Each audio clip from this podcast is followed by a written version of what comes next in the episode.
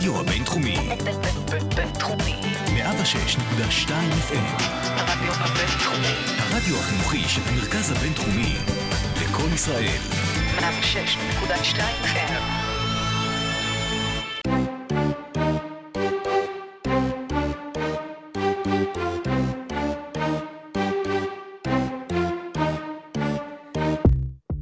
אז uh, אנחנו חוזרים לסגר, מה שאומר שאנחנו גם חוזרים להקליט את הפרקים uh, שלנו בזום, לפחות לעת עתה.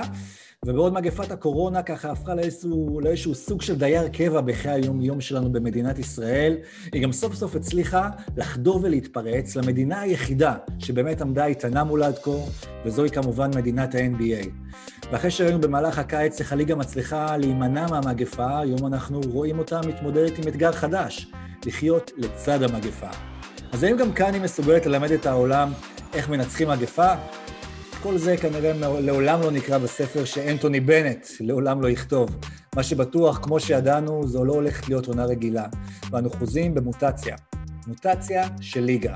אז יאללה, עושים NBA עם פרק מספר 46 על מה שהיה, על מה שיהיה, וגם ראיון מיוחד ברבע השלישי עם שדר הבית של הוושינגטון וויזרדס. פרק מספר 46, יצאנו לדרך.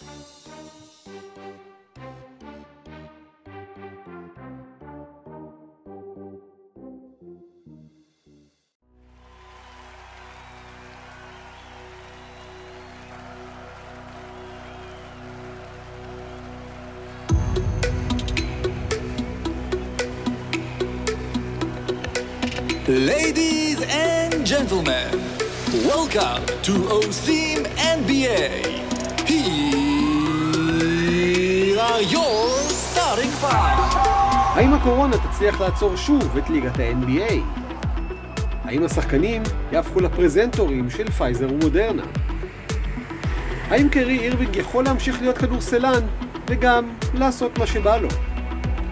מי תתייצב בראש דירוג העוצמה הראשון של עושים NBA? מי זה ים מדר בעוד שנתיים?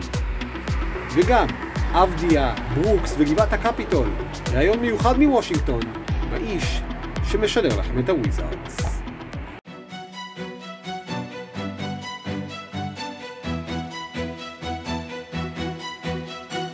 רבע ראשון. טוב, אז אנחנו יוצאים לדרך עם הרבע הראשון, והיום אה, יום שני בערב, אה, זמן הקלטת הפוד, אנחנו מקבלים בדיוק עדכון גם על עוד משחקים שנדחים אה, ב-NBA בעקבות נגיף הקורונה. היום בלילה משחק של דאלאס נגד יו אורלינס, וביום שלישי שיקגו נגד בוסטון, וזה מתחיל להרגיש כאילו הנגיף משתלט קצת על הליגה, התרגלנו לכל מה שקרה בבועה, שהכל תקתק חלק. אבל פתאום הרבה כוכבים נהדרים במשחקים, הרבה משחקים נדחים, שזה היה צפוי, באמת גם בגלל זה חילקו את העונה לשני חלקים, אבל זה מרגיש כאילו הליגה אולי אפילו יכולה ללכת לכיוון של איבוד שליטה. אתם מסכימים איתי? קודם כל, שלום, ערב טוב, עידן לוצקי. ערב טוב, שלום. מה שלומך? שלום, שרון דוידוביץ'. כן, שלום גם לך, ערן סורוקה, כמה זמן לא דיברנו. תשמע, רגע, איך שאנחנו מדברים, as we speak, עוד משחק בוטל, הלייקרס versus אה, מינסוטה, וגם בוטל לייקרס 72 נגד אה, בוסטון 86, אצלי ב-NBA 2K. ב-2K, כן. בוט- בוטל גם, כאות בגלל המגפה, בגלל השפעת הספרדית. בגלל הילדים. לא באמת ביטלו את הריקרס לא, מנסוטה, לא, אין נכון? אני מרפרש. את וואץ'. הנה, אתה רואה? אתה כן. רואה? אני בפאניקה. כבר, לא, כי בעיקר? אני לא זוכר שיש משחק כזה, כבר שיחקתי נכון. נכון, אבל זה כל כן. העניין. אנחנו... אל תלחיץ שחקני פנטזי, אני בדיוק. איבדתי את לוקה, ואיבדתי זה את סט בא- קרי ואת סימונס ואת זה ביל. בא עלינו מכל מקום, וזה... זה מוזר, ו...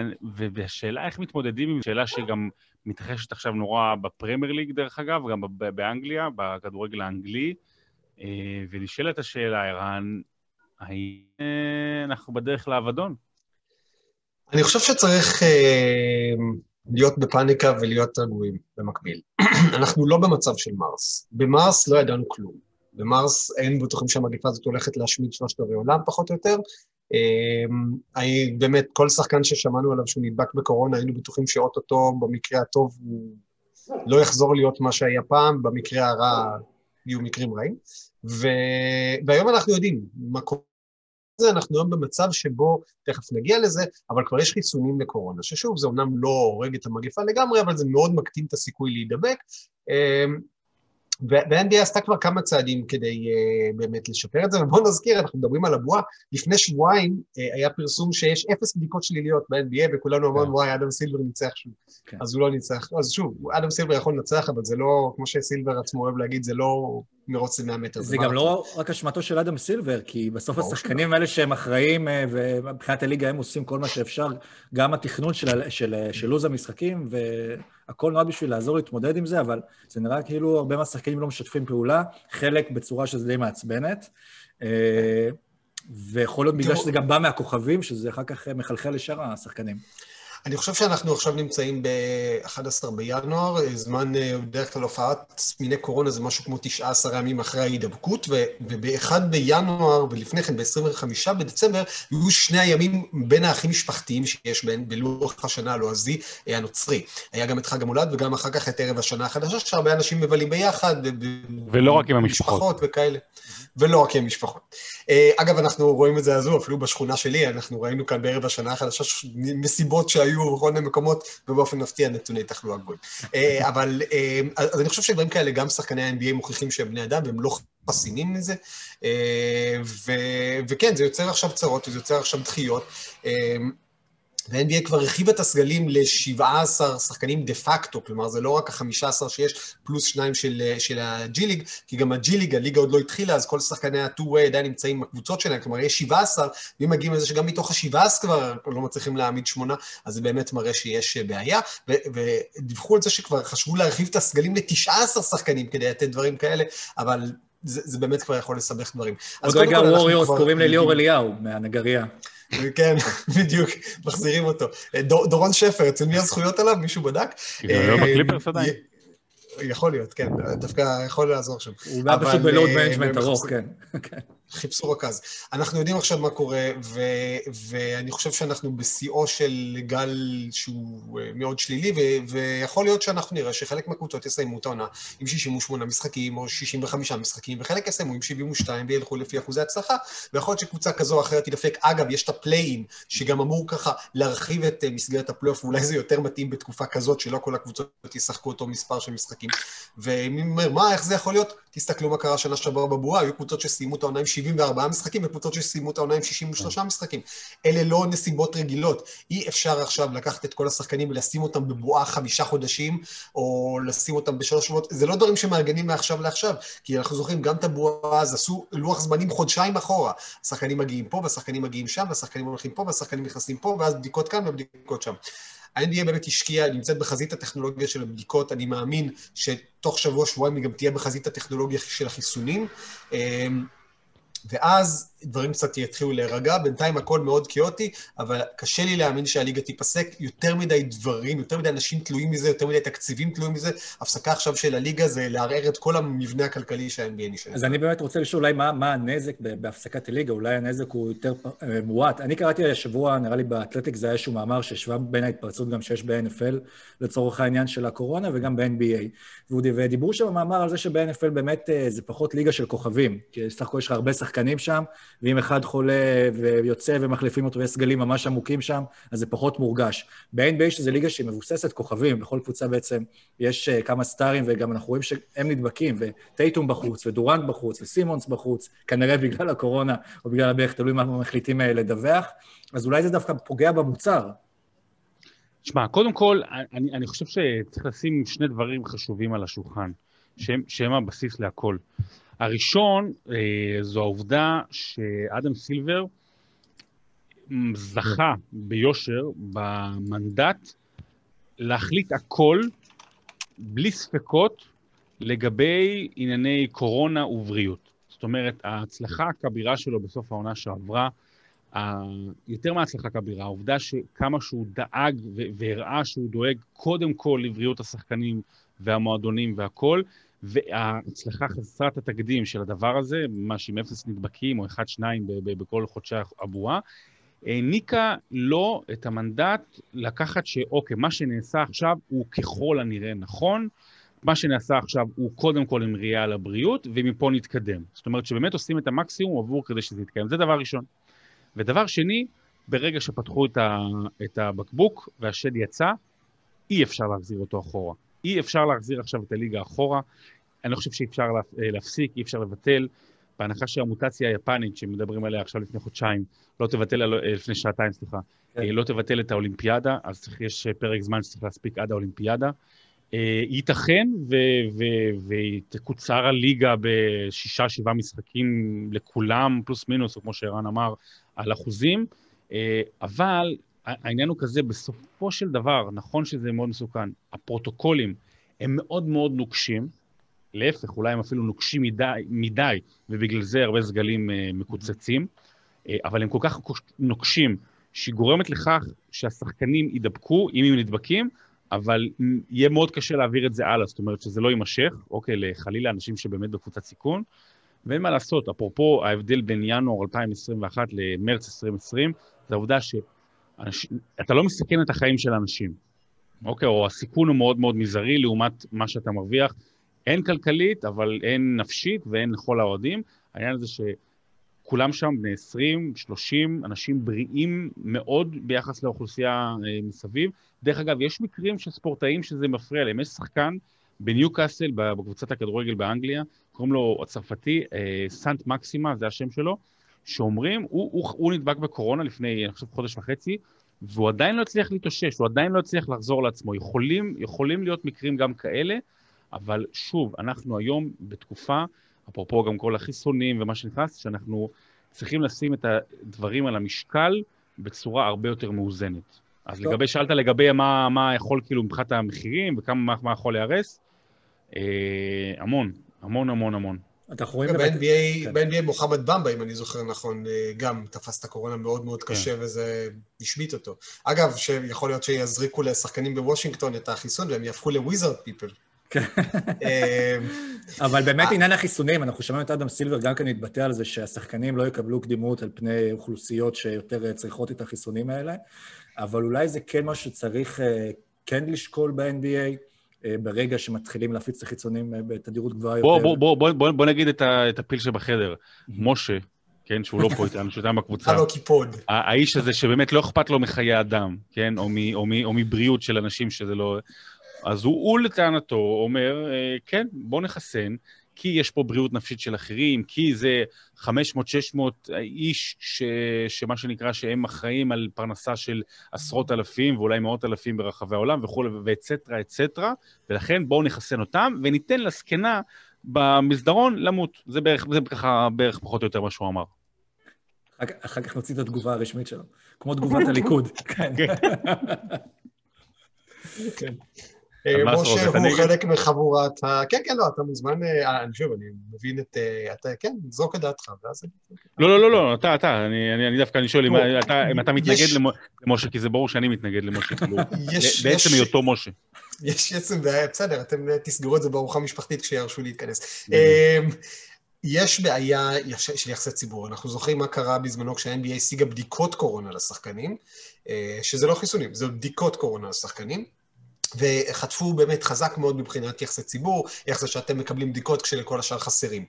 אז זאת הסיבה היחידה שאדם סילבר לא דוחף לזה שיחסנו את השחקנים. אממה, בואו נקווה שתוך שבוע וחצי יהיה סוג של ממשל בארצות הברית, ממשל מתפקד, שגם אכפת לו מקורונה, ואז אני מעריך שקצב החיסונים יוגבר, ולתוך זה ה-NBA ייכנסו. עכשיו, אנחנו יודעים כמה ה-NBA אוהבים את הנשיא הנוכחי וכמה הם מעדיפים את הנשיא החדש. לדעתי, שוב, אם צריך לחזות מה יקרה, אני חושב שבטווח של שלושה-ארבעה שבועות, ה-NBA תממן בעצמה תיכנס לסיפור הזה של חיסונים, תממן עוד מחקר ותגרום לזה שייוצרו עוד יותר חיסונים, ואז לא רק שיחסנו את כל השחקנים, הם יעשו בדיוק את מה שהם עשו עם הבדיקות, שהם עושים בדיקות לשחקנים ומייצרים עוד בדיקות ומפיצים אותם בקהילות, בעיקר בקהילות underrepresented, בקהילות מוחלשות. זאת אומרת, אתה אומר הם יעשו אקט פילנטרופי שהם יממנו חיסונים ל... או כמו שהם עשו עם הבחירות, הם יממנו חיסונים ל... סתם אני אומר, 100 אלף איש, בתמורה לזה שה... שה-500 שחקנים יחוסנו. זה גם שחקנים, אני מניח, וגם אנשי צוות וכל מה שמסביב, צוותי אימון וכל האנשי תפעול של הליגה. זאת אומרת, לא סתם שהם יממנו, לא רק שהם יממנו, גם כאילו ששחקנים יבואו לחסן, אתה יודע, דורנט יחסן כזה איזה מישהו. אתה יודע מי יחסן אותם, אתם יודעים. וייטסייד. חסן וייטסייד, כן. כן, האמת שג'יימס הרדן הוא היחיד שעשה בעיות, כי הוא מילא מועדוני חשפנות, אבל הוא לא מוכן לקבל שתי זריקות, הוא רגיל לשלוש. אמ, יש, אה, אגב, ראיתי שיש באמת בעיה עם לתת לשחקנים אה, להיות מין מודלים לחיקוי ולהסברה, כי מתברר שבקהילות האלה, שהן הכי פגיעות, יש חוסר אמון גדול בחיסונים, וחוסר אמון גדול במדע ובממשל, אז זה דבר אחר. אבל אני חושב שכמו שה-NBA הייתה דוגמה אישית עם הבדיקות ועם הבועה, וכמו שה-NBA הייתה דוגמה אישית עם ההצבעה, כרגע הם לא רוצים לעשות את החיסונים בגלל הסיפור הזה של יחסי ציבור, וכשהם יוכלו לממן מספיק חיסונים לכולם, הם ייקחו את זה קדימה ויהפכו לפרזנטורים של החיסון. יכול להיות שהם גם... הדבר הזה יקרה, אבל עוד לא כן, כרגע. יכול להיות שהם גם יעשו את זה שוב, כמו שבישראל אנחנו רואים שברגע שמתחילים לדבר שרק מי שיחוסן יכול להגיע לאירועי ספורט ותרבות, אז ה-NBA באמת ייקחו את זה צעד קדימה, ויזמינו אנשים להגיע למשחקים בשביל למלא את הקהל, גם כדי אה, לה, להקטין את הפגיעה הכלכלית, וגם כדי כביכול באג'נדה של לקדם את החיסונים. אה, ואולי זה גם בסוף אנחנו נקבל את כולם במכה, גם חיסונים, גם קהל, אה, וגם את הליגה. טוב, בריאה. תראה, אם, אם לא מתרחש, מתרחשת ההצעה הזו המאוד מעניינת של ערן, או משהו שהוא קרה, אה, זה בעיה. כי אתה אומר לעצמך, בוא נחסן קודם כל את כל האוכלוסיות בסיכון בארצות הברית. וזה משהו שיכול לקחת, האוכלוסיות בסיכון, במקרה הטוב, עד יולי, עד אוגוסט, זאת אומרת, לחסן את כל האוכלוסיות בסיכון עד אז. אה, והמגפה כרגע משתוללת. אבל נדמה שאין אין, אין ברירה, ו, וזה, ו, ו, ויצטרכו להיות מאוד מאוד גמישים, גם השחקנים. אני חייב לומר שאני מאוד אה, מחמיא בינתיים לקבוצות. דוק ריברס אמר משהו ודברים כאלה כש, כששיחקו, אבל אה, אין איזה תלונות יותר מדי גדולות על זה שהם משחקים בזמנים קצרים, ואין בכי או נהי. אז אני חושב שכולם מבינים את הסיטואציה, וכל אחת כאילו תיפגע בתורה, במובן כזה או אחר, מלבד לברון, שהוא... בטח יש לזה... תנחס. לברון יש בתוכו שבב 5G עוד מלפני שהיה 5G. לא, כי יש לו את הכתר מסביב בדיוק. אה, לקורונה. של. הקורונה. בדיוק. זה בואו נביא את הקורונה. כן.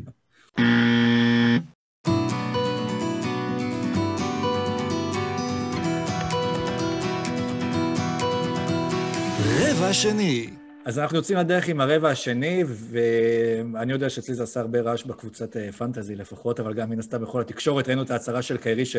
שהחליט השבוע לא לשחק, כי פשוט לא בא לו.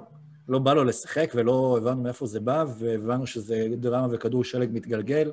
אה, הרבה שמועות כרגע מדברות על זה שהוא די היה מאוכזב או לקח קשה את כל האירועים שהיו בגבעת הקפיטול, אה, ועכשיו העתיד שלו פתאום בנץ לא ברור כל כך, או העתיד של הנץ. אני, אני חייב רק להיכנס לפני שערן מגיב. אה, אני עוזב את הפרק עכשיו. לא, לא לא, לא בא לי. לא, לא בא לי. תיזהר רק כשאתה חוצה את. העולם השטוח, כן. ביי. אה, איפה TLC שהצטרף היי, פה לפרק? כן. לא, מה זה לא Don't בא go לי? chase מה זה לא some בא לי? waterfalls. מה זה לא בא לי? אפילו, אתה, אתה, כאילו, תחשוב על איזה תירוץ טוב יותר, מה זה, מה זה לא בא לי? איזה, אתה יודע, אפילו אם זה נכון, אוקיי, אפילו אם יש לו קשיים, אפילו יש לו אה, איזה מועקה נפשית, האם באמת, באמת נניח שהגבעת קפיטול באמת הפריע לו שלא לא ירו שם במפגינים, כי אם זה חלילה היה מפגינים שחורים אז היו יורים בהם, וזה כל העניין, סבבה, מבין?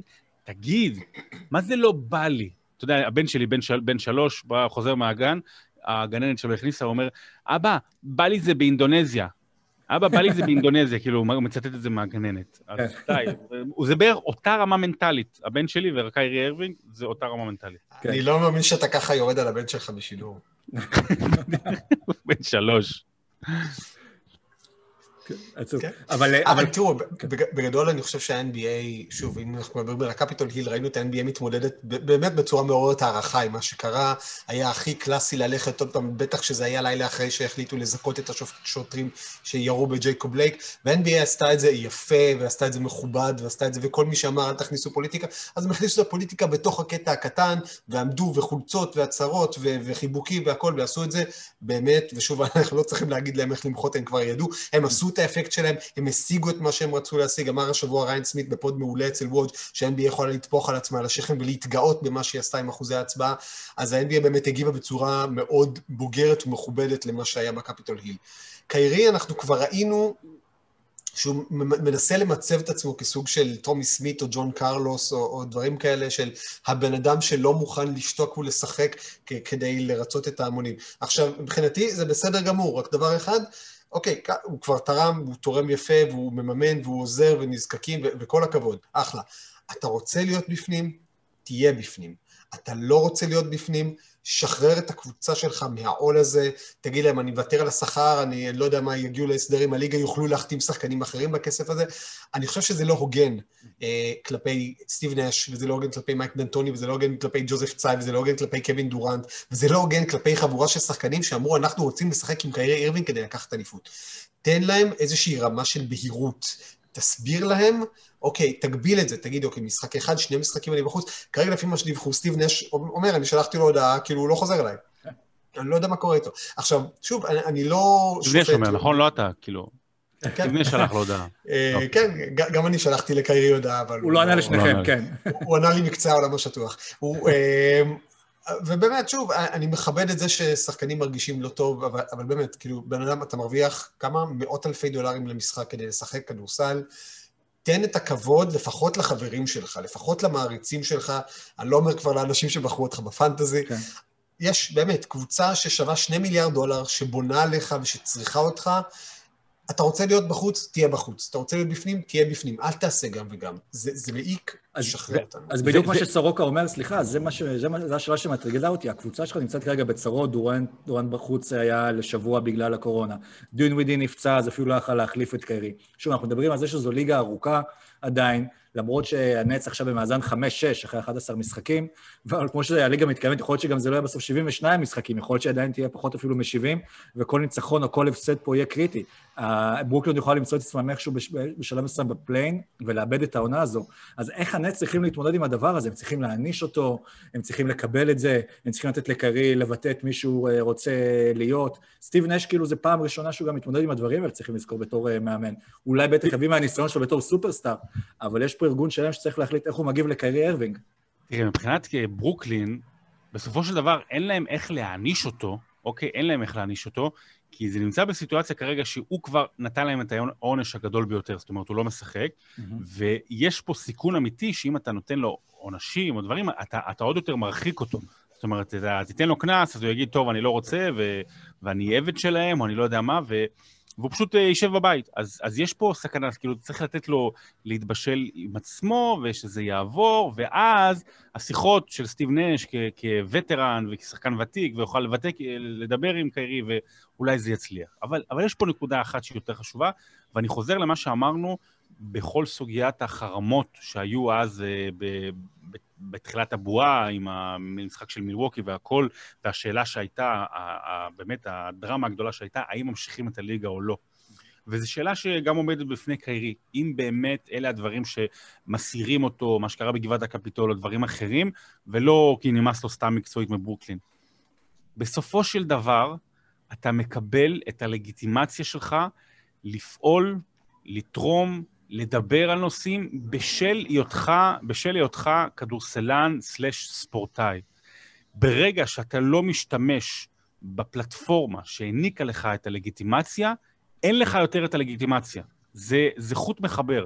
ואם אתה מפסיק להיות כדורסלן, או אתה מפסיק את, ה, את החוקים הבסיסיים של הכדורסל, שזה קודם כל הכדורסל, וזה קודם כל לעזור לקבוצה שלך, וזה להיות team player, וכל הדברים האלה, אז כל הדברים האחרים, גם אם זה פילנטרופיה וגם אם זה דברים הכי חשובים בעולם, זה לא שווה, ואתה לא צריך להיות חלק מהדבר הזה בכלל. אתה צריך, באמת, אני אומר שוב, אם הוא ככה מסתכל על זה, אני לא רוצה את קיירי אירווינג בליגה שאני אוהב אותה. כן. עזוב אם אני אוהד ברוקלין, אני לא, לא רוצה אותו בליגה שאני אוהב אותה. יש סיכוי קטן שזה אולי יעורר שוב את עניין הטרייד, וקיירי ילך אה, בסוף ליוסטון, וארדן יגיע לשחק עם דורנט בברוקלין?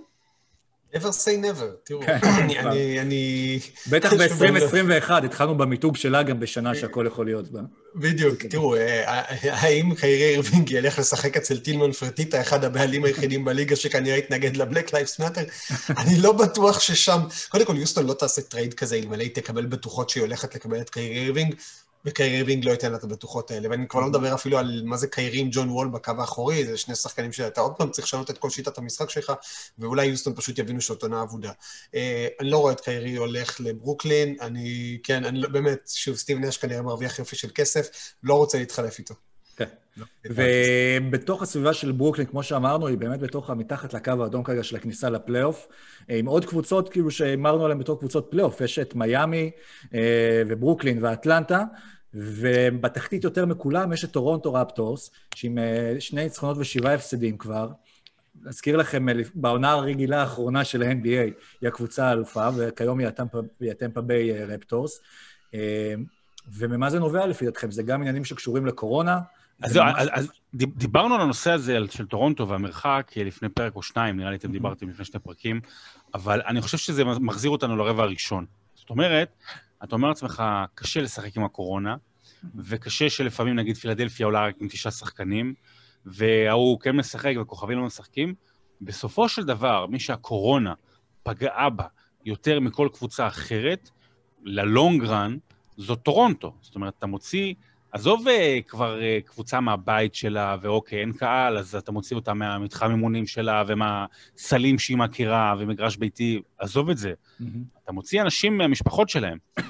כאילו, בהנחה שהם גרים, העבירו את משפחתם לטורונטו, או אתה, או אתה גורם לאנשים לגור, אני לא יודע, אולי נתנו להם דירות או לא, זה שווה לבדוק את זה, אבל כאילו, לגור בבית מלון, או, או באמת להפוך את מרכז, לא, לא מרכז חייהם, את כל חייהם לכדורסל, שזה אף פעם לא בריא.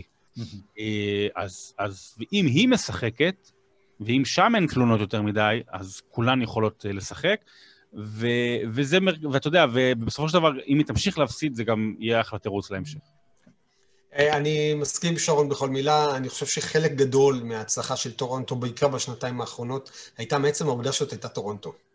שזאת הייתה קבוצה שיש לה מדינה, קבוצה היחידה ב-NBA שיש לה מדינה, קבוצה שיש לה אולם ביתי מטורף, קבוצה שכל האווירה סביבה עוזרת לה to overachieve. אמ, לקחת ממנה את האווירה הזאת, לקחת מטורונטו הרבה מהדברים שלהם. עכשיו, אני לא אומר שהם באמת יסיימו במקום האחרון, אה, סיאקם התחיל את העונה ממש גרוע והוא מתחיל לחזור לעצמו, ויש להם בעיקר עוד בעיה מקצועית, שזה, שוב, טורונטו כרגע טפו טפו טפו, כן? כל, כל מיני יצים ועל קריסטיאן ווד, הם, הם לא נפגעו עד עכשיו ספציפית מהקורונה, אבל כן, יש להם רוטציה מאוד קצרה. מסתכלים על זה, וכאילו מאחורי ה... נכון, כל פעם אתה נפצע לך מישהו, הולך לך מישהו, אתה במקום מישהו אחר. חוץ מקריס קריס בושי, שבאמת עושה את הפריצה שרבים מאיתנו חשבו שהוא יעשה השנה, אז אה, אין להם באמת סגל מאוד עמוק, בעונה הזאת דיברנו על זה שצריך עומק, כן יש להם המשכיות, כן יש להם את uh, נרס, אבל עם כל הדברים האלה זה, זה די בעייתי וקשה להם לצבור מומנטום חיובי, ראינו אותם גם מנצחים uh, במשחק אחד, אז הם מפסידים לגולדנסטייט ביום הכי גרוע בקריירה של סטף קרי, אז שוב, אה, אני לא אומר שהם יחמיצו את הפלייאוף, אני לא אומר שהם ימשיכו ככה עד הסוף, יכול להיות שבשלב מסוים גם כן יחזירו, יאפשרו להם לחזור לקנדה, אולי במרס, אולי באפריל. כרגע אה, הכל הולך נגדם. דבר חיובי אה, כן על טורונטו שאפשר להגיד, זה באמת, אה, הזכרת את כריס בושה וגם אה, פרד ון וליט, זה שיש שם הרבה כוכבי פנטזי לכל מי שמחפש. אז אם עוד, כן. כריס בושה עוד לא בקבוצה שלכם, אותי הוא גמר בסוף המצ'אפ עם השישה בלוקים שלו, אז הנה המלצה חמה. אבל אם, אם הסיכוי היחידי של טורונטו לחזור לעצמה זה מה שנקרא בחסדי שמיים, עם סייקם דשמיא. הם צריכים את המומנטום רפטורס. כן.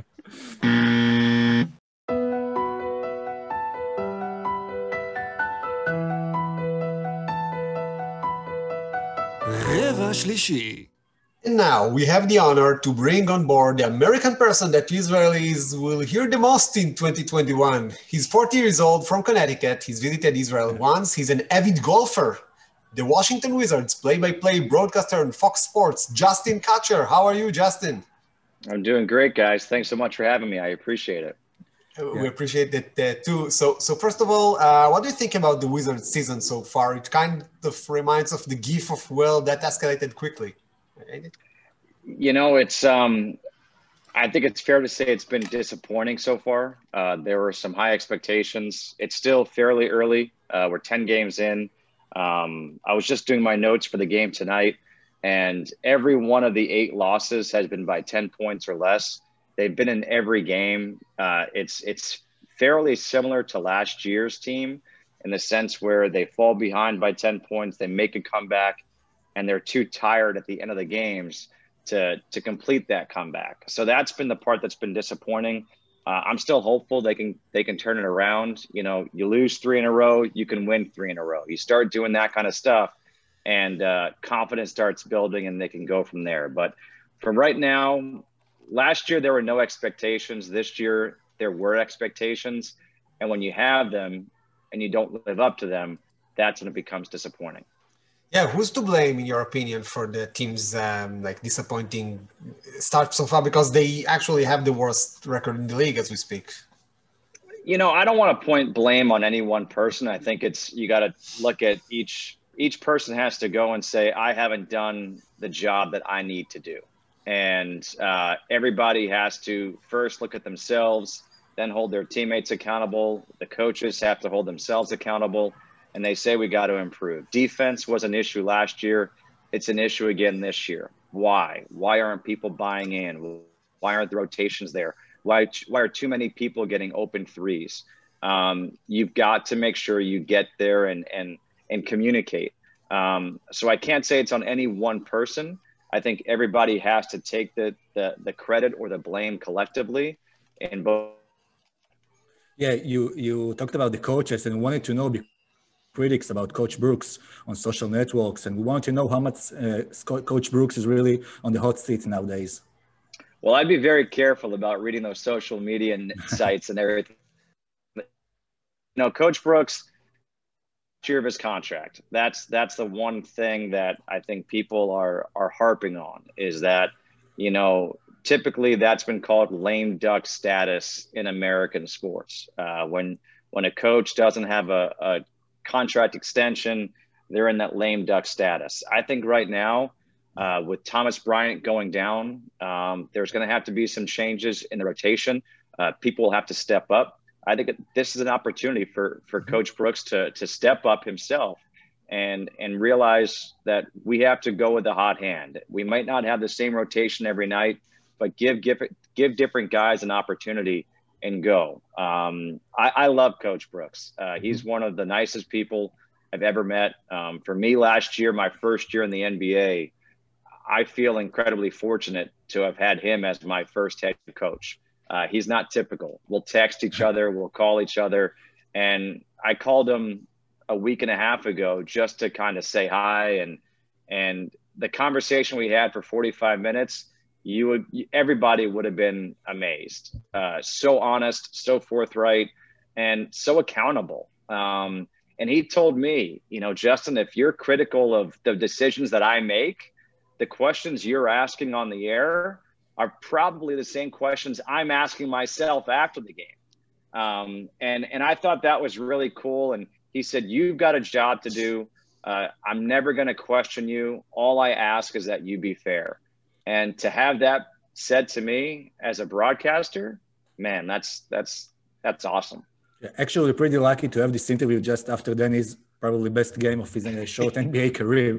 So I really wanted to know what you think about Danny Avdia so far and the way the team uses him. Yeah. Um, so as far as Denny's concerned, I love him. Um, I, I, I read about him. I watched some clips from him last year, and I thought to myself, how cool would it be, you know, if we have Rui Hachimura from Japan, and we got him with the ninth pick in the draft.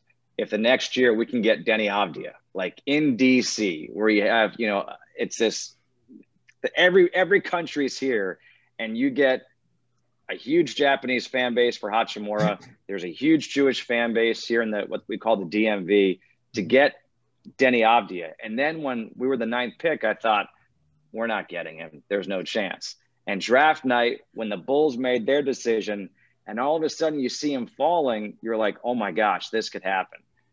As soon as I saw him play in person, I said, this kid's for real. Um, he just has a way about him. The only other player I've seen at that age to play with the patience and have the basketball IQ was Lauri Markkanen his freshman year at, at Arizona. I did a game of his in Las Vegas.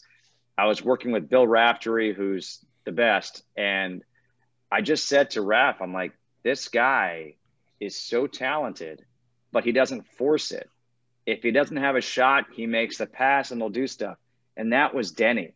I mean, obviously, Denny, you know, was five for five in his debut in the preseason, um, but he just plays with a sense of calm and a sense of maturity that's so far beyond his years. Um, so I, I love it. I love the pick when they made it, and I'm loving it more and more. Um, as for how the Wizards are using him, you know, he's going to have ebbs and flows throughout the year. He's a rookie. It happens. The fact that he bounced back after having three straight games of, I would say, down performances. I think he had four total points in those three games. To come back with 20 the other night uh, just shows what he can do. And he showed us some moves that he hadn't shown yet. I mean, he had a step back jumper. We hadn't seen that. Over we had seen him more just, Yeah. yeah. I mean, we just seen him, you know, hit jumpers or get to the hoop. It was a step back.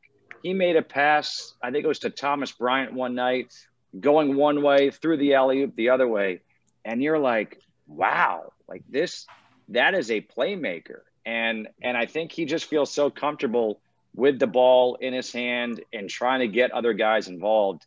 I think his evolution is going to continue with this team, and he's going to be handed more and more responsibilities as we go on.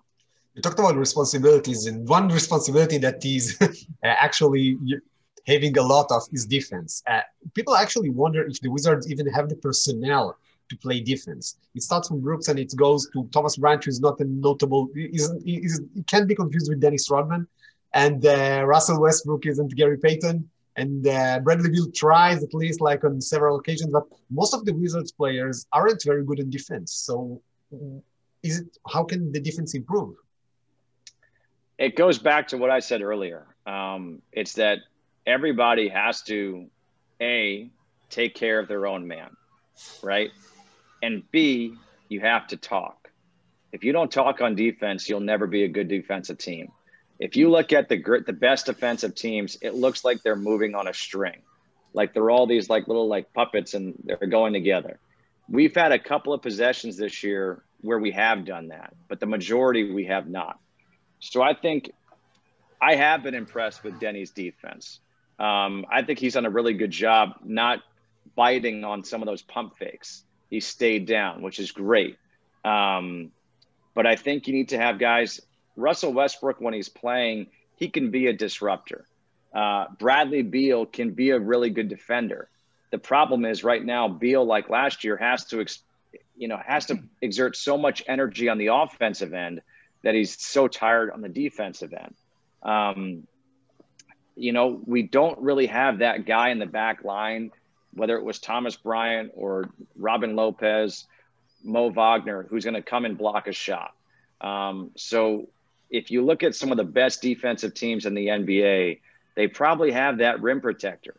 Um, you know, Utah's got Rudy Gobert, uh, Miami, um, Bam Adebayo. You got guys who, when you go to the hoop, you're a little bit afraid to go to the hoop. We don't have that right now.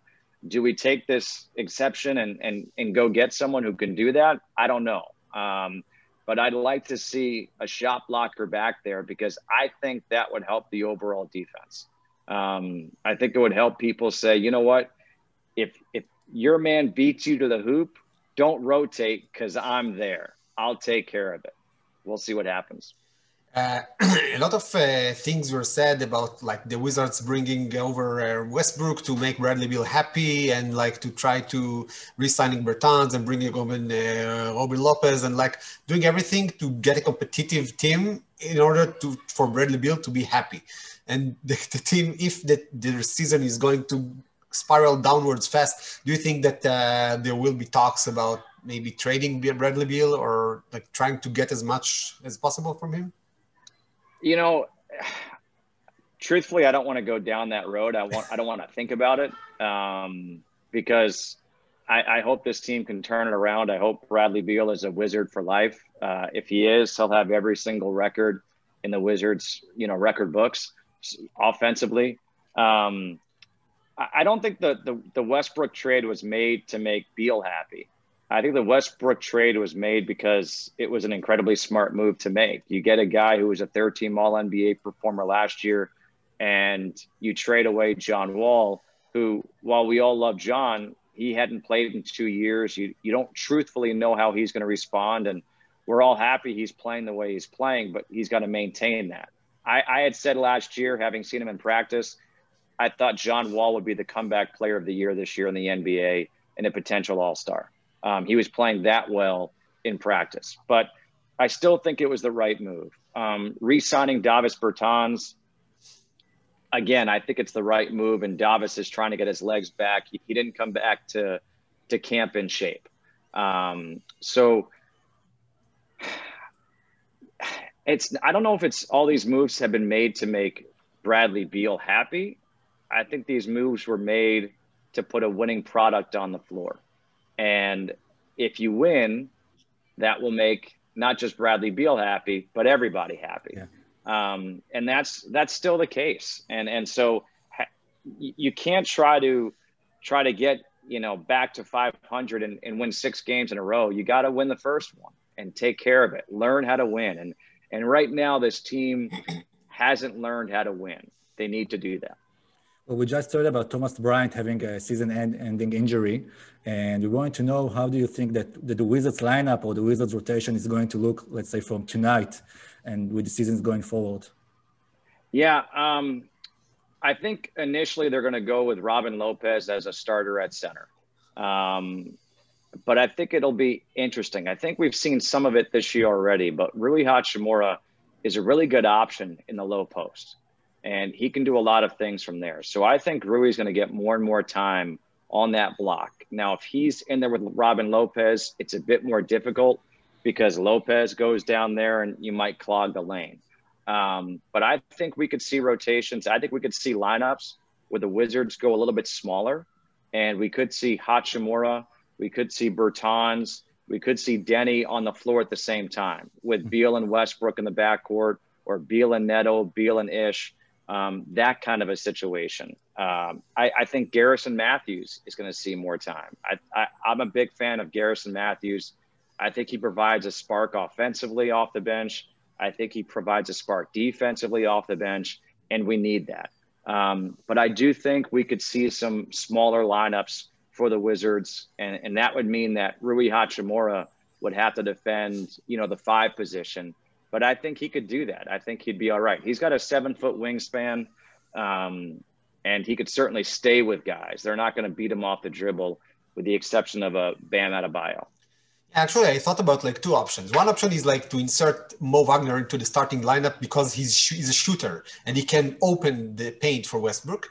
And the other one is actually, as I said, play Hachimura at a five and then go with Garrison Matthews along Bradley Beal and go with Danny at four because the way Danny defends bigs, uh, like he defended Embiid really, really well, and he can clog the paint with his size and with his intelligence. So maybe even go that way. Yeah, um, I think right now for tonight it's going to be Lopez at the five. I mm-hmm. think you could see a change where you see Mo Wagner inserted into that starting position um, as time goes on. But for right now, you know, you're starting, you just have to kind of, I guess you could say, weather the storm, right? And so Westbrook is out. So Neto's going to start at the point guard. You're going to have Beal at the two guard. Then I think you're going to go with Denny, Rui, and, and Lopez at the five. And, and as the game goes on, you could see the changes happening. But to start, that's the way I see it happening. What's the biggest uh, treat or the the, big, the funnest thing in being the Wizards uh, broadcaster? And maybe it's the chemistry with Drew Gooden that we saw that you really enjoy being together, or anything yeah. else? Um, you know, I mean, Drew and I have become really good friends, and um, what you see on the on TV, like that's real. When we're laughing, like we're not faking it. Um, it's genuine, and. Uh, when I got the job last year and Drew got the job, I gave him a call and and we started talking and we clicked right away. Um, it was it was really cool, and I, I think that the the biggest treat is just it's two things. One, I get to call basketball for my living. I get to call sports for my living, and as a broadcaster, you know, a play-by-play announcer, you want to call as many games as possible. And, and doing the coronavirus, maybe from your living room also. yeah, fortunately, we're from the studio, but yeah. um, trust me, I miss being at the arena with fans. I, I, want that to come back as soon as possible. But, you know, I used to do college basketball and I would call about 35 games a year. Now, you know, we do a game every other day and you're just, you're, you're calling hoops. And so it's, it's a ton of fun. You see the level of play. And honestly, like, I didn't know this until probably yesterday. Um, but my sister lives about 20 minutes away from me, and my brother-in-law grew up a diehard Wizards and Bullets fan. Um, and he said to me that his dream was always to be the play-by-play announcer for the Wizards.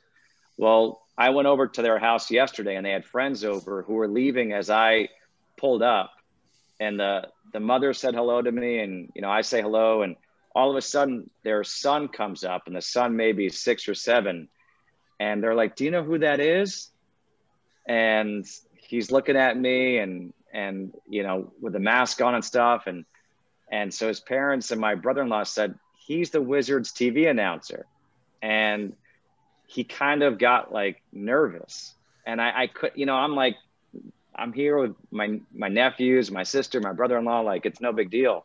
Um, but to see him act that way, I realized like, oh my gosh, like that's the way that I would have acted at six, seven, eight years old if I had met, you know, growing up the Marv Albert or Mike Green um, for the Knicks. And uh, it's weird to think that that people would get starstruck around me. Um, I, I'm I'm not a star. I just get to I get to have a pretty cool job. Yeah, you probably fell in love with basketball growing up in Connecticut. Also, they have like Doron Sheffer and Nadav Hennefeld and. Oh, I was those guys. I was huge, huge fans of them. Um, I was a I was a UConn fan, so uh, Doron Sheffer, Nadav Hennefeld, like they they were my guys. Um, I mean, I, I became a, a, a UConn fan basically in 1990. Um, so you know, you go back then, and I and I think it, it was Chris Smith in the backcourt um, I think with Nadav, and then later on it was Ray Allen, Ray Allen and Doron Sheffer, um, and I think, you know, you guys in Israel, you're surrounded by Jewish people. Um, in the states, I'm not. Uh, you know, my school that I went to from kindergarten through sixth grade had about 225 kids, and I was one of five Jewish kids. Um, and so when you have someone who is Jewish and it's playing at that high level, there's an, an immense amount of pride. Um, and so I can just remember watching, you know, those guys play and speaking with my dad about it. And we just thought it was so cool. And, and that's what I think is happening right now with Denny. Um, you know, it's, for for Jewish for Jewish kids all across the world to see a, a, guy like Deni Avdija come in to the NBA, a top ten pick, and produce right away and be as good of a person as he is, it's such a great role model. Um, and and hopefully it, it turns a bunch of Israeli kids into basketball players, and and he starts getting all these kids to play and and you know in 10 years we've got a few of them playing yeah, probably Deni what did uh, what Omri Caspi inspired him to do. Right, right, exactly. Um, and I think Deni has has a bigger platform than Caspi did. Um, so yeah. We will wait for the Passover Passover events on uh, on your network on March around March or April. Yeah. Yeah. So, as someone that uh, lives also in uh, DC, how was it for you? Let's talk about politics a little bit uh, to see what's happening at the Capitol Hill last week. Yeah. Um, so I will say that I'm not living in downtown DC, um, and and so for me, um, my everyday life is not affected or impacted. But what I will say is just that um, I, I it was incredibly sad and, and sickening to me. Um, I, I have said it before, and I, I, I steer clear of politics, but um, didn't look like the United States of America. It looked like a third world country, and and that should never happen. And uh, I don't care what side of, the, of politics you're on. Uh, there's no excuse for it, and and we all need to be better, um, and we all need to come together. Uh, I hope, I truly, truly hope that that was the rock bottom for our country, and we learn from it, and we we go up from here. Um, but I know a lot of a lot of the players and and and everybody. I mean, you feel it, and uh, people were calling me to see if I was okay. Um, the game was on the road that night, so I was in studio. It was not a big deal for me going there, but my mind was just it was tough. Um, and that was the night that that Bradley Beal tied the franchise record with 60 points. Um, so what what I've said for a long time is that uh, I do believe that sports can provide an outlet for people. And that night, I went into the studio and I was, I was just sad. Honestly, I was sad. I was upset. I was frustrated, and and then the game happens, and Beal starts going off, and he's got 57 at the end of three, and you get lost in the moment. And that's what I think is so great about sports. Um, you get lost in the moment, and and it provides that. I was lucky enough to to work the MLB postseason in 2001 after 9/11, and I was in the booth with Joe Buck and Tim McCarver doing stats, and you know you see at that time President Bush threw out the first pitch, and I was crying. I mean, I couldn't believe how powerful it was, and and then the Yankees come back in back-to-back games against the Diamondbacks, and it's just it's amazing, and and for those days it, people were able to escape the horror that was 9-11 and and you know it's just sports can be a healing outlet. And that's what i hope we can provide each night that we've got a game is give give the fans and give people two and a half hours of, of joy yeah, we see the Wizards team uh, in the last few games uh, chasing the coronavirus uh, with the pandemic going on over the league. And we're seeing lots of players are going into the COVID 19 protocols and not playing. And we wanted to know how do you think it's going to affect the league going forward? Is there any chance that the league will stop for a few weeks? and will the league going to take some changes? Um, I can't speak for the league. I haven't talked to anybody in the league about it. Uh, my personal belief is that you just keep on going forward. Um, you look at baseball, what they did, and because there are no fans in the stands, um, and because they've the NBA has given themselves some wiggle room. There's no All Star game. There's an All Star break. They haven't announced the second part of the season yet. You can postpone a game, and you've got days to make it up. Um, will every team play 72 games by the end of the season? I can't say 100% that that will happen, but I think they will have close to the same amount of games for everybody. Baseball had it with the Marlins, with the Cardinals. You've got different games being postponed or, or whatever. It's just part of this year. And everybody has to realize don't freak out. It's going to be okay and and I think that's what the NBA. Everything I've read from from you know Adam Silver is that we're going to keep on pushing through. And if some some teams have to play with eight people, some teams have to play with eight people. That's just going to be the way it is.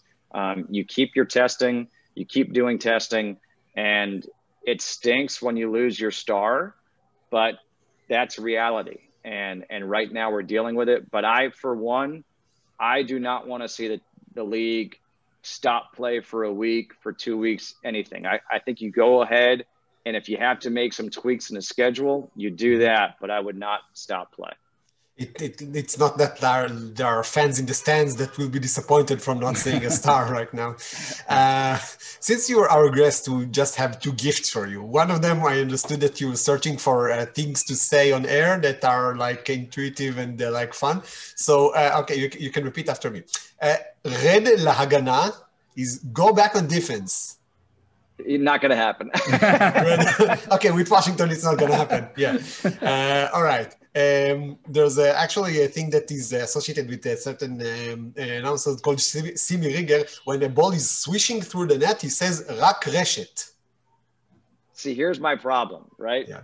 I grew up. I can read Hebrew. Ah. Um, I can't speak Hebrew, but like much like when I took Spanish in class, I can't roll my R's very well. Ah, I can I can get that. I could do that. I, I, I could say like Hanukkah or challah, but like to roll my R's, I have a real hard problem. Um, and and the other issue is, so I, I said this to somebody yesterday, and and um, even last year with the Japanese media. The biggest, the hardest thing for me is I love to try to incorporate some words from like Rui Hachimura from Japanese from, from from that language or you know from from Hebrew, but it has to be words that the American fan base will also know. Um, otherwise, I say something and they're going to be like, uh, "What was that?" okay.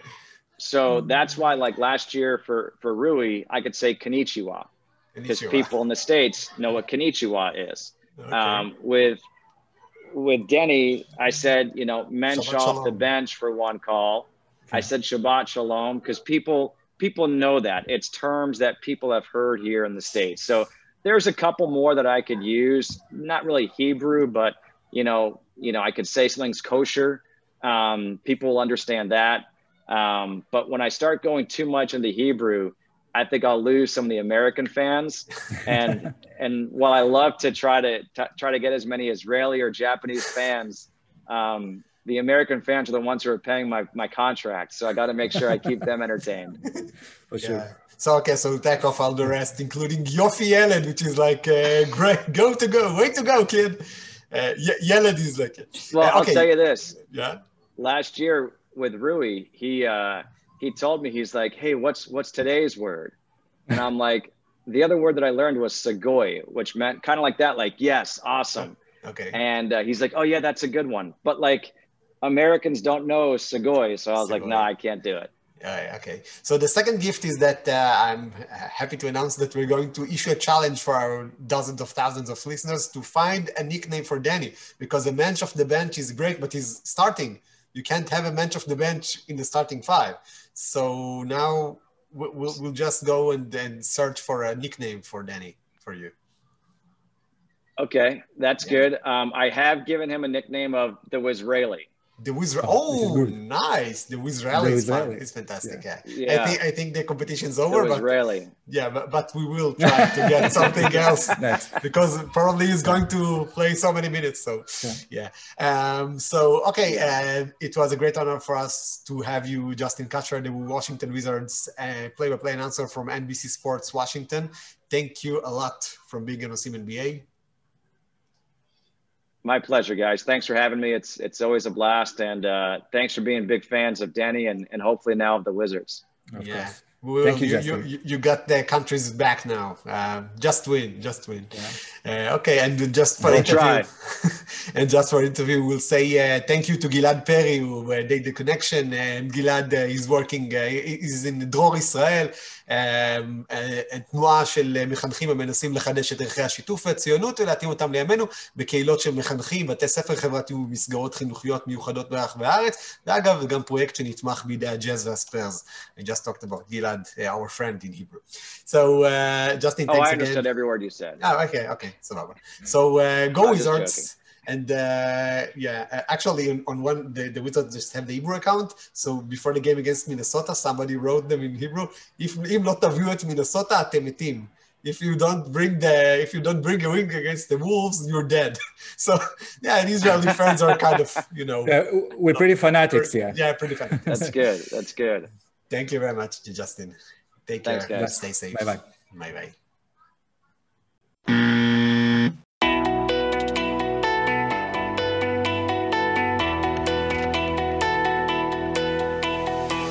רבע רביעי. אז אנחנו יוצאים עכשיו אה, לרבע הרביעי, והגענו למה שאנחנו ננסה לעשות בעצם בכל שבוע, וזה דירוג העוצמה של, ה, של הקבוצות אה, בליגה. אנחנו ניתן את הטופ חמש אה, שלנו כרגע מהמקום החמישי למקום הראשון. כמובן, לאירועים כאלה חגיגיים יש לנו את מלך הדירוגים הארצי, שרון דוידוביץ'. רק שתדע, קודם כל שאני... מדרג מספר אחת. אחד. בדיוק, ה power ranking, זה, אני חושב שזה אחד ה...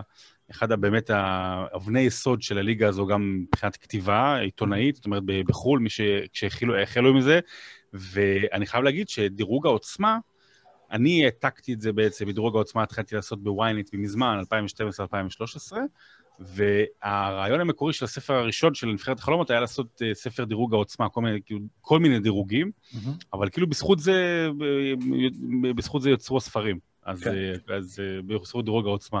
אז טוב שאנחנו ממסדים את זה גם כאן בפוד. פנטסטי. אז אה, גם אנחנו נראה לכם את הדירוגים, אה, אנחנו נפרסם את זה ברשתות, ותוכלו להגיב ולתת המלצות, ולהגיד מי לפי דעתכם צריך להיות ואיפה אנחנו טועים מן הסתם. אה, אבל בואו נתחיל עכשיו עם המקום החמישי שלנו, ודיברנו במהלך הפרק ועוד לפני הריאיון גם כן, הרבה על הקבוצות שנפגעו מהקורונה. אבל מצד שני יש את הבוסטון סלטיקס, קבוצה שבאמת, כמו איוב, מקבלת רק בשורות רעות כל הזמן, של שחקנים שנעדרים וחולים ונפצעים וקמבה בחוץ, ולמרות כל זה, וגם יעלו עם הרכב אה, משני, בוסטון סלטיקס, מקום, אה, מקום ראשון משותף בעצם נכון להיום, אה, לילה יום שני במ- במזרח, עם שבעה ניצחונות ושלושה הפסדים, ושום דבר לא עוצר אותם, וזה עוד לא בסגל מלא אפילו. זה בסגר מלא. בסגר מלא. אה, ג'ייסון טייטום, שוב, לקחתי אותו סיבוב ראשון בפנטזי, והוא היה מקום שישי בפנטזי לפני שהוא נכנס לבידוד. אבל אנחנו רואים את ג'ייסון טייטום עושה דברים שבאמת ציפינו שהוא יעשה, שזה אומר לקחת את הכדור בשניות האחרונות ולא כבר שני סלי ניצחון.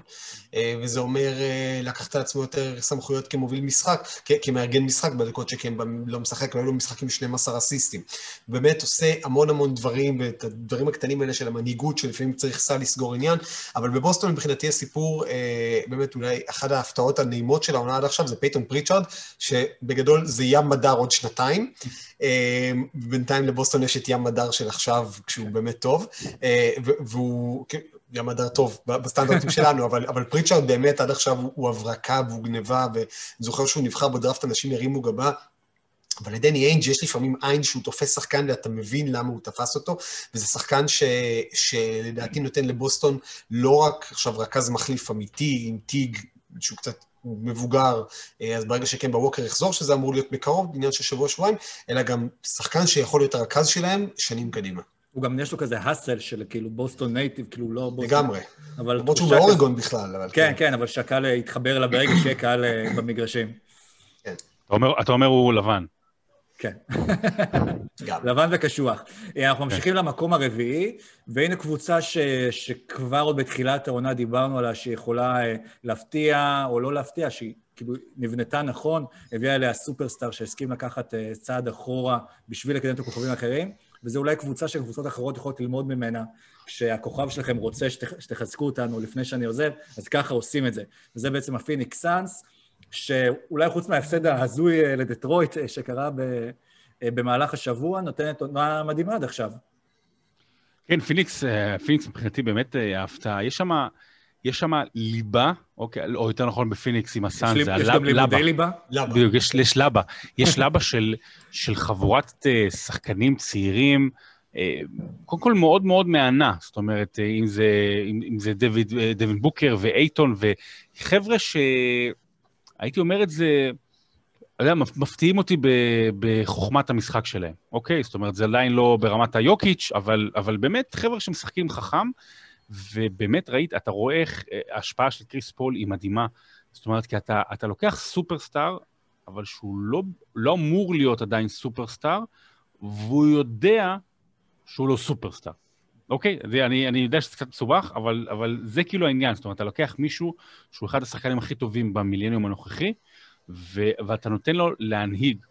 ומדובר במנהיג שיודע להנהיג. זאת אומרת, אם זה לקחת שני צעדים אחורה, אם זה לתת למישהו אחר לקלוע את סל הניצחון, או לפעמים לקחת בעצמך ולנסות לקלוע את סל הניצחון, יש פה מנהיגות אה, מעוררת כבוד של כריס פול, שנזכיר, יושב ראש ארגון השחקנים הרבה שנים וזה, אז, אז זה מורגש, זה מורגש. זה סופרסטאר שהגיע לקבוצה, ובעצם אנחנו רואים שמרים תחת את שני כוכבי העתיד שלהם. אני פחדתי שאולי דווין בוקר איכשהו ייפגע. אה, דיאנדרה אייטון, אה, אולי זה כן ירגיש שיותר יהיה מישהו חכם שיוכל לערב אותו במשחק, אבל אנחנו רואים שבוקר בעיקר, וגם אייטון לאט לאט נכנס לעניינים, והשחקנים שפיניקס בונה עליהם, אז כריס פול כאילו בא בתור תוסף לדלק, אה, ככה כדי להאיץ את התהליך. אמר ריצ'רד ג'פרסון בפוד מצוין אצל זאק לואו, שאם אתה רוצה בקבוצה שלך מישהו שיעזור לך לנצח משחקים בדקות האחרונות באחוזים לא הגיוניים, תביא את כריס פול. אה, וזה באמת מישהו שהמנהיגות שלו מקרינה על כולם, והוא הבן אדם ש... שוב, אני לא, לא השתתפתי בדיוניכם על היכל התהילה או לא היכל התהילה או חמישים הגדולים או לא חמישים הגדולים, he's the first ballot hall of famer בזכות דבר אחד, מנהיגות. הוא עשה את הדבר הזה ב-15 השנים האחרונות בליגה, כמו שרק שחקן אחר אחד ידע לעשות, שזה לברון ג'יימס. והוא ברמה שלו מבחינת היכולת שלו להקרין על שחקנים ולעשות אותם טובים יותר, וזה לא תמיד דברים שנמדדים בסטטיסטיקה. יש לו גם סטטיסטיקות, יש לו גם מספרים, אבל עצם העובדה שכל קבוצה שהוא שהוא משחק בה נהיית יותר טובה ממה שהיא הייתה קודם, אה, זה דבר גדול. וזה מה שהוא עשה עכשיו בפיניקס, הקבוצה הזאת תקבל ווינריות לדם, זה כמו חיסון של ווינריות לקבוצה שהייתה לוזרית במשך הרבה שנים. כן. זה אולי לא יביא אותם ל-5G, אבל זה יביא אותם top ל top 8. five, כן. אה, לי זה מרגיש גם פשוט בכלליות שפיניקס, גם עם כל ההרכב החדש של הקבוצה וגם עם הסיטואציה של הקורונה, שהכל ממש נדבק להם בצורה טובה. כי ה-NBA מרגיש לי גם בשנה הזו שזה כמו הליגה הלאומית בכדורסל, שיש אולי שתי קצוות, אבל באמצע מלא בלאגן והכל צמוד וכל אחד יכול לסיים מקום אחר, ופיניקס, שוב, אם היא תמשיך לרוץ ותהיה במומנטום טוב בליגה כזאת צמודה, יכולה פתאום למצוא את עצמה, עד כמה שזה יהיה קריטי, עם יתרון ביתיות אפילו אה, בפלייאוף, לפחות אה, בסיבוב הראשון. ואם שלומי ארבטמן אמר פעם פס פס יצא קם, אז בפיניקס זה קם קם יצא פס. כי יש להם כן. גם את קם ג'ונסון וגם את קם פיין, שנמצא בקמפיין מצוין השנה, ובכלל הספסל שלהם נראה טוב, קבוצה מאוזנת. קמפיין. אה, קמפיין חיובי. מעולה, יפה. אז, אה, אז נמשיך עם העניין החיובי ונלך למקום השלישי, ושם אנחנו מוצאים את ה-LA קליפרס, אה, שבחרנו לדרג אותם. קוואי לנה במשחק האחרון נגד שיקגו, שהקליפרס אה, מנצחים, אה, 35 נקודות, 7 שלושות, אה, 3 חטיפות, והדבר הכי מדהים, שרץ גם בממים ברשתות, מחזיק שני בקבוקים שלמים בכף יד אחת, שזה כנראה CNBA שלא יישבר. וכשקוואי ככה, וכשקוואי משחק גם שני משחקים ברצף, ביום שעולים על הקפיטול היל, וזה לפי דעתי היה צריך לתפוס את כל הכותרות, הקליפרס יכולים אה, להרגיש מעודדים. אני חייב להגיד ש... מבחינתי- אה, כן, כן. אתה יודע מה, אתה תתחיל, ואני אגיד רגע במשפט בסוף. אתה תתחיל. אני מבחינתי רק על מה שפיניקס עשו נגד דאלאס, לא מגיע לי להיות, ב top חמש כל העונה, ואני אגב הייתי, אני התנגדתי לקליפרס ואמרתי שאני רוצה את יוטה בפנים. אה, אבל אה, הקליפרס, שוב, הם, מנצחים על כישרון, והם מנצחים על, על, והם קצת, האמת שזה מצחיק, כי הם קצת נראים כמו מה שקרה בשנה שעברה, חוץ מזה שהאוהדים עכשיו מתעצבנים על זה שטיירון לא עושה יותר מדי ניסויים, במקום שדוק ריברס היה יותר מדי מקובע עם הרוטציה. אז תמיד אוהדי קליפרס התלוננו על משהו. לאשר את התוכנית משחק שלו. כנראה, כן. אה, אם לא NBA, לפחות ה-FDA. כן. אבל אה, הדבר שהכי עובד בקליפרס עד עכשיו, זה הדבר היחיד שלא היה בתכנון בקליפרס עד עכשיו, שזה ניק בתום. שניק בתום, אה, שהגיע בגלל שבאמת, אמרנו את זה, שרלוט פשוט לא ידעו לתכנן את תקרת השכר, והם היו צריכים לשחרר אותו פשוט, וגם לפרוס את החוזה שלו בתשלומים. אז ניק בתום אה, הולך ומסתמן, אני רואה את זה באמת, אה, יש כבר אה, אוהדי קליפרס שהקימו את הגיף של הבתום בטליון, כלומר, הצבא של ניק בתום, והוא באמת דבק מהסוג שהם היו צריכים, ואם הם יצליחו, לדעתי, זה הרבה מאוד בזכות ניק בתום, וגם מבאקה, שהוא מאוד מתאים למרקם שם. צריך להגיד שבתום בן 32, ועוד שמונה שנים הוא יוכל אה, להיות בתום בן 40. יוכל להוציא סרט בתום בן 40. כן. בינתי- בינתיים, אם יהיו- תהיה התקפה על לוס אנג'לס, הוא יוכל להיות בחדר הבתום. כן. מקום שני. מקום שני. אה, עכשיו- אה, זה מה שרצית אז להגיד. לא, כן, סבבה. זה יותר טוב ממה שרציתי להגיד, בוא נגיד ככה. אה, כן, למקום השני, אנחנו עולים במדרגות אה, של רוקי ומגיעים אה, לפילדלפיה 76ers, שהכל שם אה, גם כן נראה אה, מתחבר, אולי זה... כאילו, הכל נראה שם חיובי כרגע, דרך אגב. הכל נראה חיובי. בואו ננסה קודם כל גם להבין מה ההשפעה של דריל מורי ומה ההשפעה באמת אה, של, של דוק ריברס ושל השחקנים שם. וכרגע גם כן פילי בקצת איזושהי בעיה בגלל סט קרי שנותן עונה ממש, אה, לא יודע אם זה הזיהו. מפ- היא מפתיעה, אבל עונה נהדרת ש, שחולה. בן סימונס אה, בחוץ כרגע בגלל בעיות בברך אה, שקצת מתהפכת, וזה לא נשמע משהו רציני, אבל עדיין פילי מוצאים את עצמם בצמרת המזרח. ב- בוא נגיד ככה, בדירוג שיהיה בעזרת השם בשבוע הבא, פילי לא תהיה. גם בגלל הבעיות, ובעיקר בגלל בעיות הסגל ומה שקורה, והיא לא תהיה, אז בואו נדבר עליה עכשיו. אה, אתה שואל מה דר מורי ומה השתנה ומה הכל. אני אוהב לפעמים לתת, לכמת אה, אופי של קבוצה, או אופי של שבוע-שבועיים בשחקן אחד. ואני חושב שבאמת נתת את התשובה, זאת אומרת, זה, זה בסט קרי, אוקיי? שחקן כמו סט קרי, שהצירוף שלו זה באמת פאזל מאוד מאוד מושלם. זאת אומרת, הוא על העמדה בחמישייה של אה, ג'וש ריצ'רדסון. נכון? אני לא טועה, אני... ואני נגיד נורא נורא אוהב את דני- גרין קצת על ג'וש ריצ'רדסון למעשה, כן, אבל מבחינת כאילו החמישייה. כאילו כן, בחמישייה. בדיוק. ה shooting guard כאילו. ואני נגיד הרבה יותר אוהב כשחקן את ג'וש ריצ'רדסון, מה שהוא נותן הגנה והכל, אבל סט קרי יותר מתאים לפילי של כרגע, או לפילי לאן שדרל מורי רוצה להוביל אותה, ופילי של קצת יותר שלשות ויותר איום, ו, ובאמת, ואני חושב שהוא השחקן, האקס פקטור המשמעותי ביותר. אפילו דני גרין נראה לפעמים לא רע. אה, ובאמת, כל, אם, אם רוצים כאילו להבין ל, לאן פילי אולי הולכת, ובתקווה שזה יהיה יותר טוב גם כשכולם יחזרו, זה...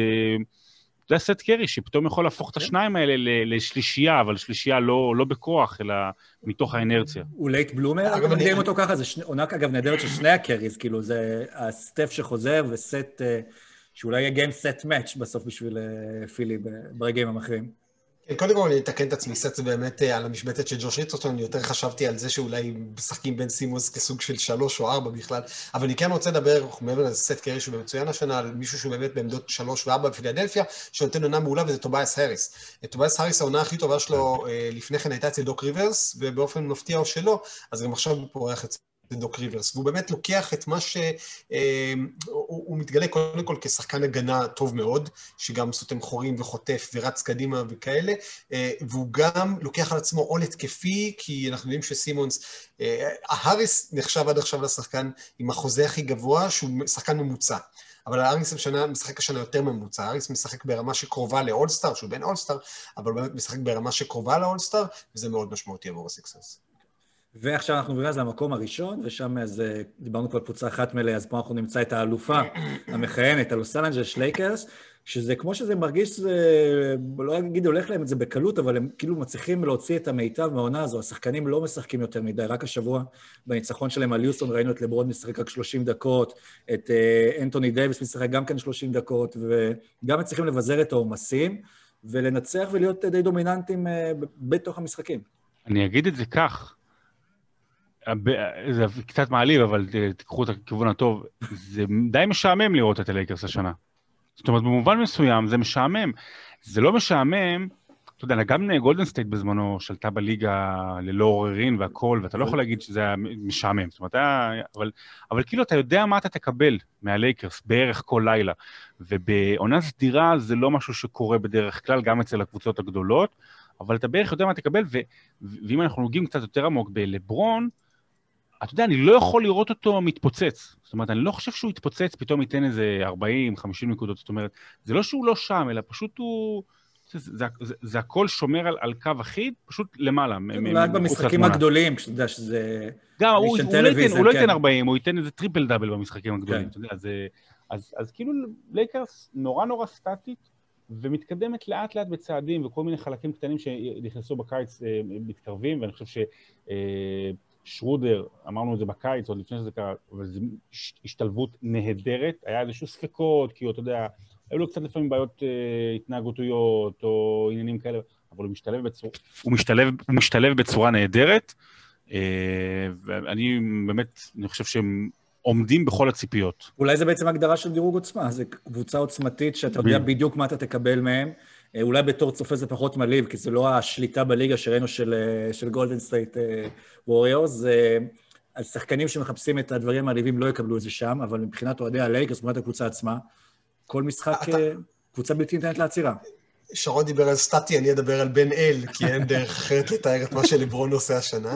והאמת שהדבר, הסטטיסטיקה, שרון, אני, אני לא מסכים איתו, לדעתי יש דבר מאוד מפתיע בלייקרס, לברון ג'יימס עוד לא החסיר משחק. וזה לא נכון. שלא היו הזדמנויות לתת לו לנוח, פשוט ממה שגם קוראים קצת, הוא לא רוצה לנוח. עכשיו, למה שינוח? הבן אדם בן 36, כאילו, כמה שנים עוד יש לו? NBA עשתה חוק ספציפי שמאפשר לתת מנוחה לווטרנים ששיחקו עמוק אל תוך הפלייאוף. הם עשו חוק שמאפשר לתת ללברון מנוחה, ולברון לא רוצה לנוח. הרי לברון בסופו של דבר קובע מתי הוא ינוח או לא, והוא פשוט לדעתי כל כך נהנה לשחק עם החבורה הזאת. ראינו אותו הבוקר עושה באמת אסיסט מטורף לקנטוויוס קולדוול פופ, ואני חושב שהלייקרס, מה שהם עושים הנכון, הכי נכון עד עכשיו, זה לפזר עומסים. יש להם שלושה שחקנים שמשחקים 31, 32, 33 דקות למשחק, שזה דייוויס שכבר החסיר שני משחקים, לברון ודניס שרודר, וכל, ועוד שמונה שחקנים שמשחקים בין 15 ל-25 דקות אה, למשחק, uh, כשבעיניי... אני לא אגיד הכי חשוב ביניהם, אבל הכי מעודד אותי ביניהם, כי הוא היה נפלא בקדם עונה והוא נפלא גם עכשיו, זה טיילן הורטון טאקר. שראינו אותו הבוקר פה עושה 17 נקודות נגד יוסטון, והוא נכנס והוא צובר אה, ביטחון, והוא מתחיל להיות חלק משמעותי ברוטציה, והוא, והוא, והוא גניבה אדירה, והוא מהדור הזה של השחקנים, שעכשיו ייתנו ללברון ג'יימס מנוחה, כשלברון כן יחליט לנוח, וגם אה, ישחקו את הדקות שלו, ו- וירוויחו את הדקות האלה, ורעבים. וגם יביאו את לברון, אם וכאשר באמת העונה תסתיים כרגיל, אה, יביאו את לברון בריא וכשיר לפלייאוף, וגם אה, יוכלו לעזור לו לפלייאוף כש, כשהוא יצטרך. אז מבחינה שלי בינתיים הורטון טאקר, היו הרבה תקוות ממנו בקדם עונה, והוא התחיל ככה לאט, ולאט לאט הוא נכנס לעניינים, והוא הולך ונראה כמו שחקן עם רוטציה לגיטימית. כן, אני, הכי מרוצה לראות בלייקרס באמת גם את מארק גסול, שאמרנו שאולי נראה אותו ב-10-15 דקות כזה, נותן לדייוויס קצת לנוח, אז דייוויס מקבל את הדקות שלו, אבל אה, גסול גם כן, משחק אחרון מגיע לכמעט 25 דקות במהלך המשחק, וזה גם שחקן שקריטי אה, ללייקס, להצלחה שלהם, שמכניס הרבה שכל למשחק, אה, והרבה ניסיון כשהוא על המגרש, ויכול להוריד גם כן מאופציית הניהול של לברון. טוב, וכאן אז נסיים את הרבע הרביעי. אז עד כאן פרק 46 של עושים NBA. לכבוד הנשיא 46 שעומד להיכנס. אה, וואי, נכון. חזק מאוד. בהנחה אולי, כן? בהנחה, כן. כן, ושהולך. ט"ל"ח. כן, תל"ח. ושהולך אולי גם לחזור ולפגוש כנראה את קבוצות NBA. ראינו שהלייקרס, שאיכשהו יצא משמיים שזה גם לברון ג'יימס, אולי הנשיא הבא, מוביל את העניין הזה, ויהיה נחמד אולי לראות. אולי זה מה שיחזיר את השפיות. אולי הוא יעשה סיור location בבית הלבן, יגיד כאילו איפה אני גר. אני אשן פה, אתה תישן פה. כותרת על השבוע האחרון, גבעת הקפיטול קורה מבין עיניך. אה, יפה. טוב, יש לכם הערכות? עוד איזה משחקים ידחו השבוע? שהייתם מעדיפים משהו? האמת צריך לשים על זה בווינר, יואו, איזה משחקים. בדיוק. כן. לא, אני אתן, אבל אני אתן לסיום רק המלצה לכל מאזיננו או חובבי הפנטזי, ומי שמשחק רוטו, שימו את כולם. כמעט כל הזמן. לא, לא, באמת, הולכים להיות חסרים מלא פצועים ומלא חיסורים. אני חושב שלא יהיו בעיות של, של הרכבות, אז תכניס את כולם. אלא אם אתם באיקאה. ולמי שבאמת רוצה להיות עכבר NBA, תקופה כזו בפנטזי היא נהדרת, כי יוצא לנבור ולחפור ולמצוא שחקנים שאפילו לא בעומק הספסל, שאולי ב... ישנים עכשיו על איזושהי ספה של אח שלהם, ובקרוב יעלו למגרש. ראינו את... את מקסי. אריז מקסי. כן. עושה את המקסי מום עם ההזדמנות שלו. בדיוק. אז זה הזמן להכיר אותם ולצמוח איתם ביחד. וטוב, עד כאן הפרק, היה פרק מאוד מעניין וארוך ביחד עם הרעיון, אז תודה רבה לכם, תודה רבה ערן סורוקה. תודה רבה עידן לוצקי. תודה רבה רבה שרון דוידוביץ'. ואנחנו נפגש בפרק 47, עדיין בזום, אבל... אני חושב שבפרק הבא עדיין יהיה את דונלד טראמפ. כן, אתם חושבים שבפרק הבא קיירי ישחק? בואו נסגור את זה שאנחנו רוצים שבפרק הבא עוד תהיה ליגה. בדיוק. סגרנו? כן, סגרנו. אם קיירי רוצה, לא רוצה, רק שיעדכן אותנו, שישלח וואטסאפ. מקסימום נצרף אותו לשיחה איתנו בזום. בדיוק. תודה רבה, חבר'ה, להתראות. ביי, להתראות. ביי ביי.